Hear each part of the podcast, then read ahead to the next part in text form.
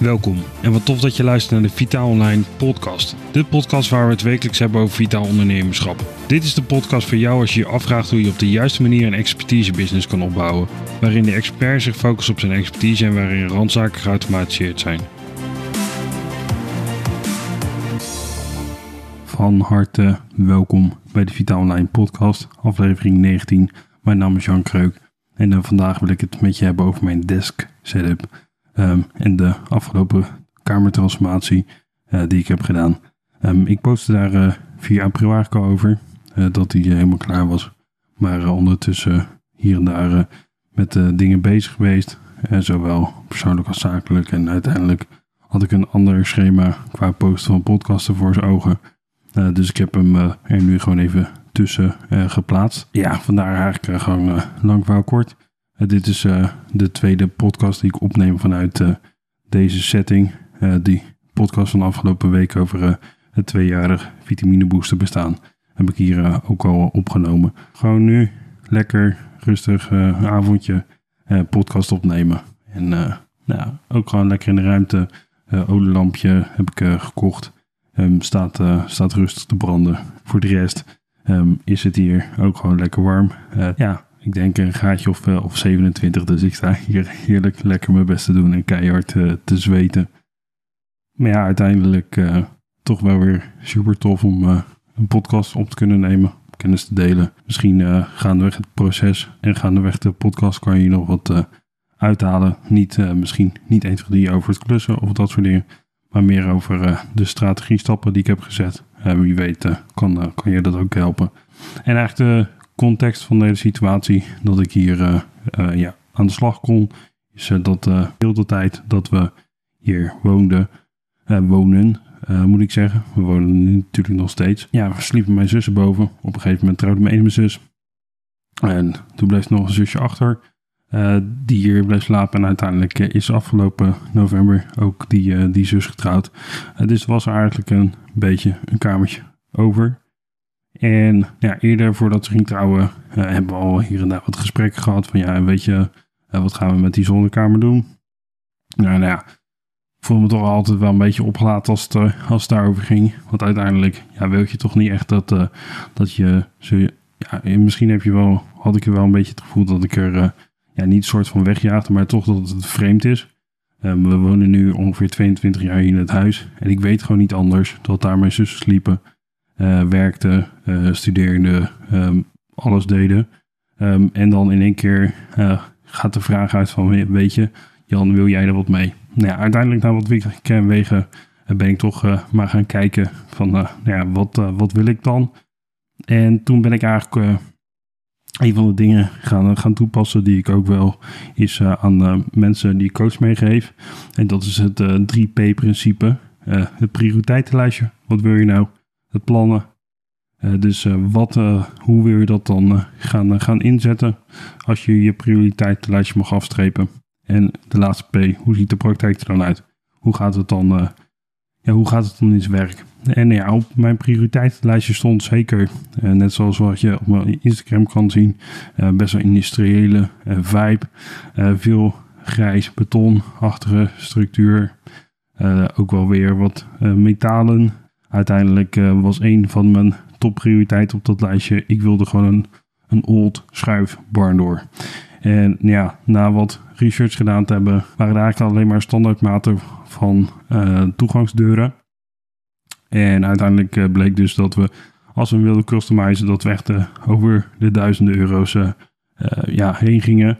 En dat ik zoiets had van, ja, weet je, is het me dan wel waard? In die zin moet het iets leuk zijn om als een soort van detail. Maar het moet niet eigenlijk een kostenpost op zich worden. Dus uiteindelijk hebben we besloten om uh, toen uh, die deur zelf te bouwen. Uh, zelf te bijten en uiteindelijk er zelf in te hangen. Wat wat meer voet in de aarde had dan dat ik in eerste instantie had gedacht.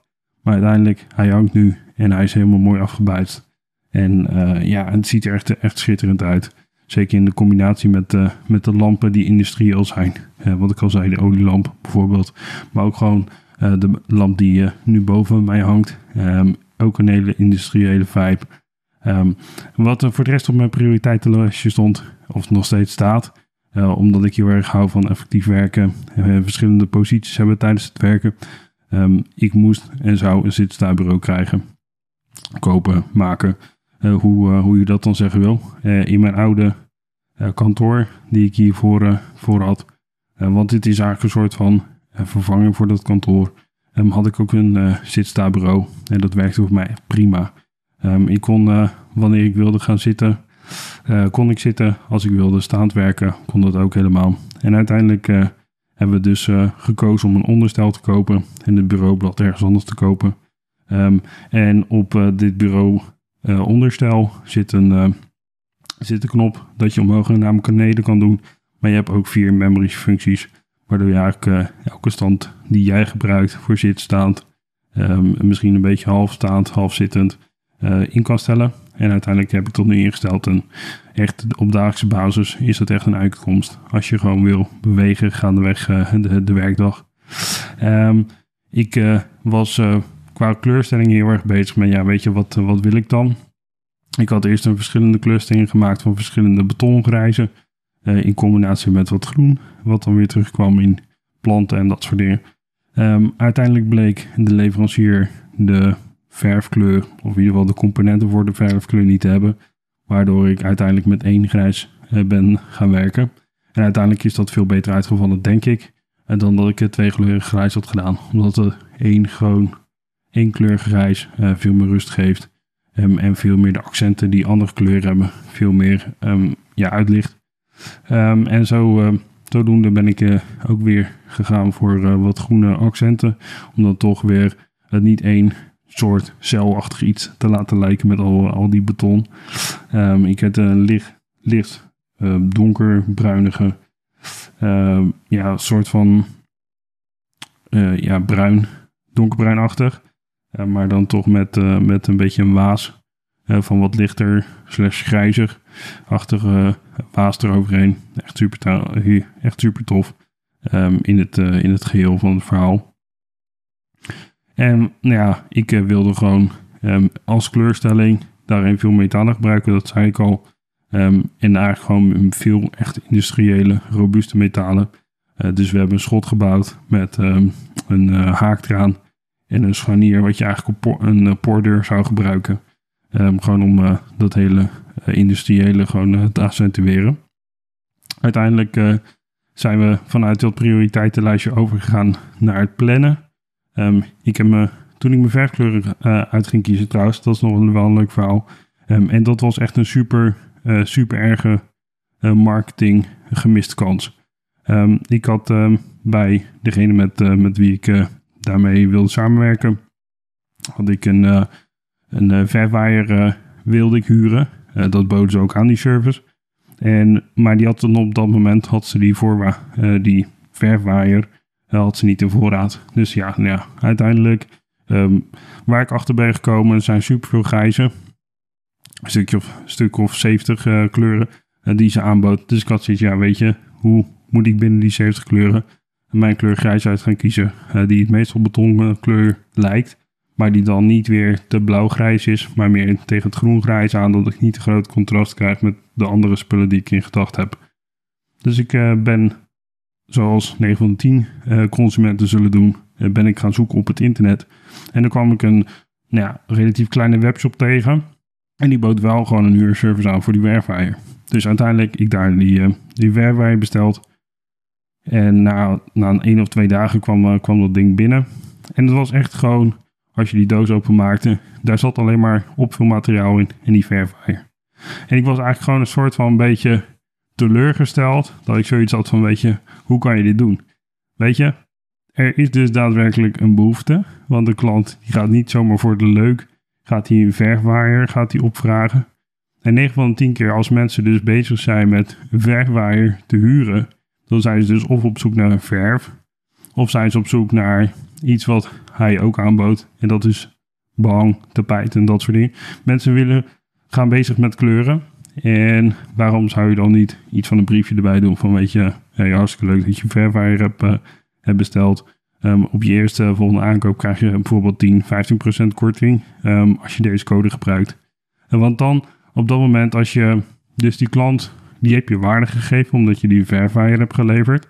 Maar op het moment dat die klant dus verder met je wil gaan werken, of jij hem een reden geeft om met hem verder te werken, door die code te geven, dan is die klant veel meer geneigd om toch weer terug bij te komen en alsnog de ding te kopen.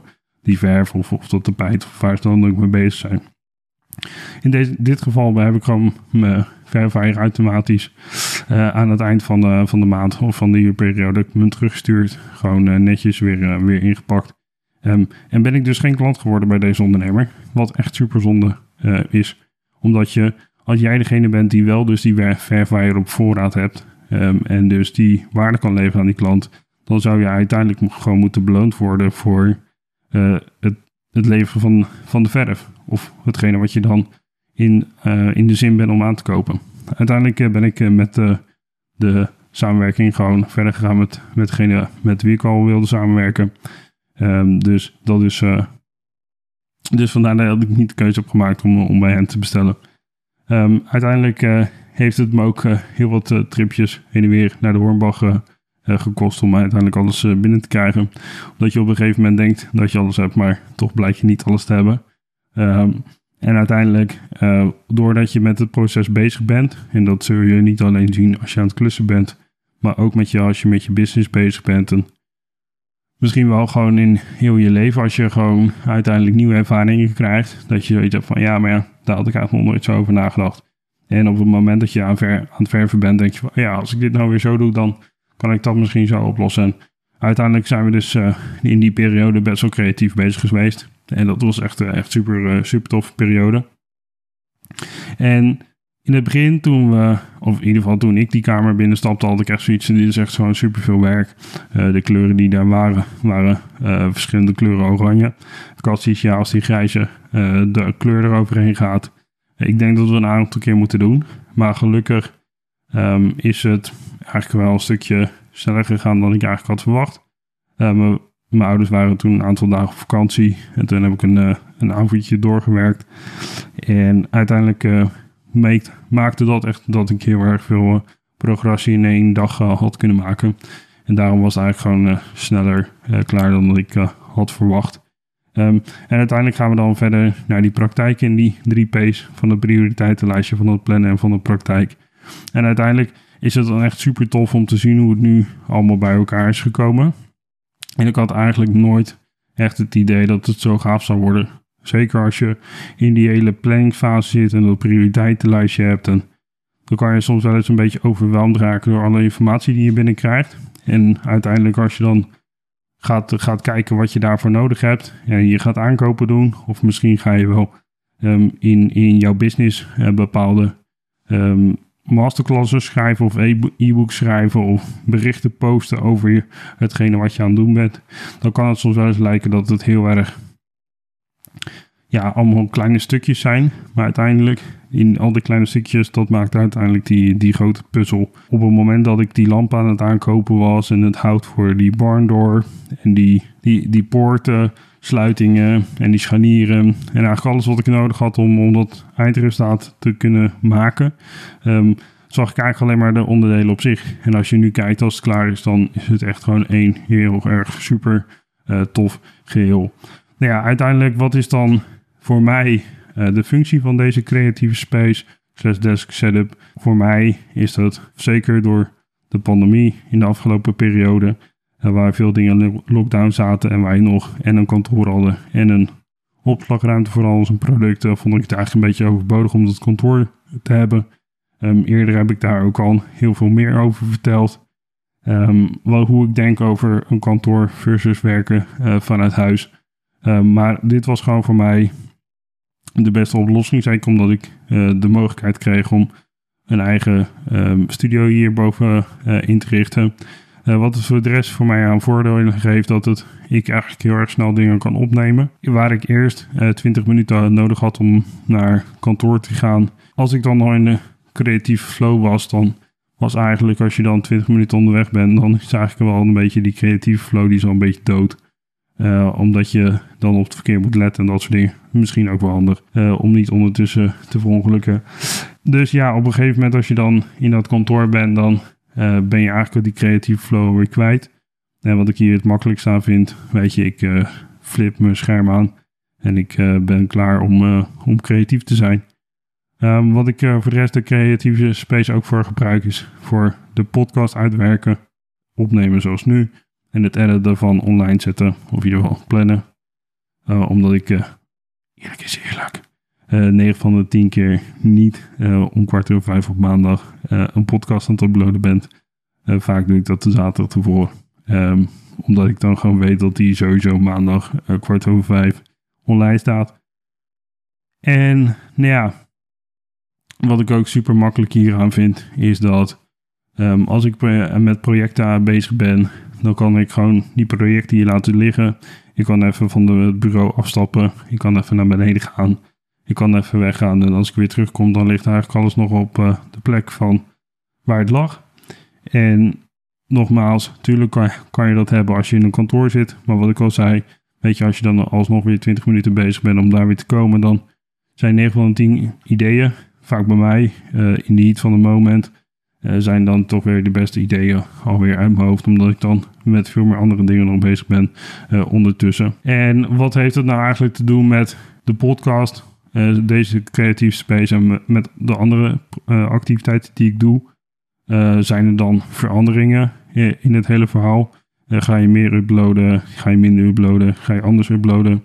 Ik ga gewoon wekelijks blijven uploaden. de podcast um, is voor mij echt een super media om mijn gedachten te rangschikken. Net zoals voor zo'n aflevering als deze, dat ik het 3P-principe je kan meegeven. Um, alleen in de afgelopen periode strukkelde ik er best wel mee van, weet je, een podcast moet een bepaalde lengte hebben. Um, vaak um, zie je toch wel dat een podcast een uur duurt. Nou ja, weet je, dat kan wel. Maar zeker met deze materie, en zeker als je een alleen podcaster bent, en je niet echt een heel erg specifiek doel hebt, uh, omdat het best wel een brede uh, publiek aantrekt, uh, kan je niet altijd heel erg diep op bepaalde dingen ingaan, waardoor een uur eigenlijk veel te lang wordt. Um, en aan de andere kant wil ik het ook weer gewoon niet weer tekort doen. Omdat ik dan denk van ja, wie weet uh, doe ik jou als luisteraar dan wel tekort. Uh, maar ik heb gewoon voor mezelf afgesproken. Ik wil content maken dat inspireert. En niet een gescripte show van, van 30 of 45 minuten. Voor de rest, ja, eigenlijk de DEX setup. Um, wat, wat ligt er allemaal op het bureau? Ja, aan het eind van het bureau staat natuurlijk die olielamp die nog uh, lekker hier aan het branden is. En waar ik me nu realiseer dat hij ook prima wat warmte afgeeft. Dus mocht het al niet hier warm genoeg zijn, dan produceert die lamp hier ook nog wat, wat extra warmte. voor mij staat een vitamine booster shaker met vitamine drinks. Um, op het moment dat deze podcast live staat, um, heb ik alweer een hele pallet van elke smaak weer nieuw. Dus mocht je uh, in deze warme periode um, vitamine drinks willen proberen, ga dan even naar uh, ja, vitaminebooster.nl slash webshop. Onder energie staat vitamine drinks. Kan je ze testen. als ik het zelf zeg, zijn echt super lekker. Dus wil je ze proberen, dan is nu je kans. Ehm, allemaal nieuwe flesjes zijn er. Dus koop ze nu ze er nog zijn. voor de rest heb ik hier een 27 inch 4K monitor voor me staan. Waar ik al mijn schermen netjes naast elkaar kan, kan hebben. Met notities aan de ene kant van het scherm. En aan de andere kant van het splitscreen. mijn audio opneem software.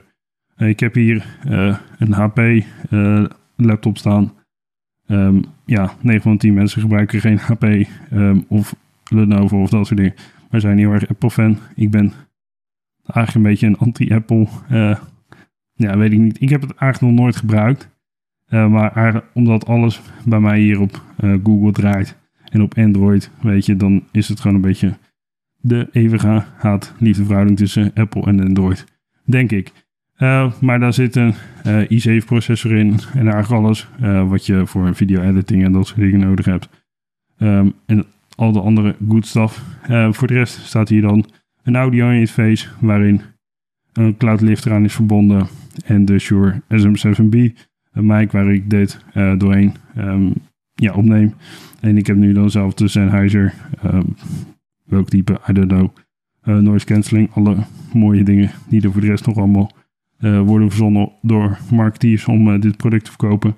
Ik ben ervoor gevallen en op dagelijkse basis werkt het echt super perfect. En dat is eigenlijk een beetje wat er hier op het bureau ligt. Ja, er ligt nog een, een netwerkkabelverbinding ding om het beste, snelste en mooiste netwerk te kunnen garanderen op het moment dat ik aan het werk ben. er ligt nog een zonnebril en mijn eigen bril ligt er nog. voor de rest rijstwafels voor zometeen als mijn ene laatste maaltijd voordat ik ga slapen. Um, omdat ik gewoon weer lekker bezig ben met een gezonde routine en al die dingen die daaromheen hangen. Um, ja, een hele, weer een hele diverse aflevering, denk ik. Um, ik hoop dat je dit kan meenemen in het, als je volgende keer een plan uh, wil gaan maken. Maak van tevoren een prioriteitenlijstje. Uh, maak een goede planning. Dit was dan weer voor deze aflevering van de Vitaal Online podcast. Vind je dit nu een interessant onderwerp? Abonneer je dan zeker op deze podcast. Wil je meer insights of wil je zien hoe we je verder kunnen helpen? Ga dan naar vitaalonline.nl slash vitaal. Mijn naam is Jan Kreuk en ik spreek jou in de volgende aflevering.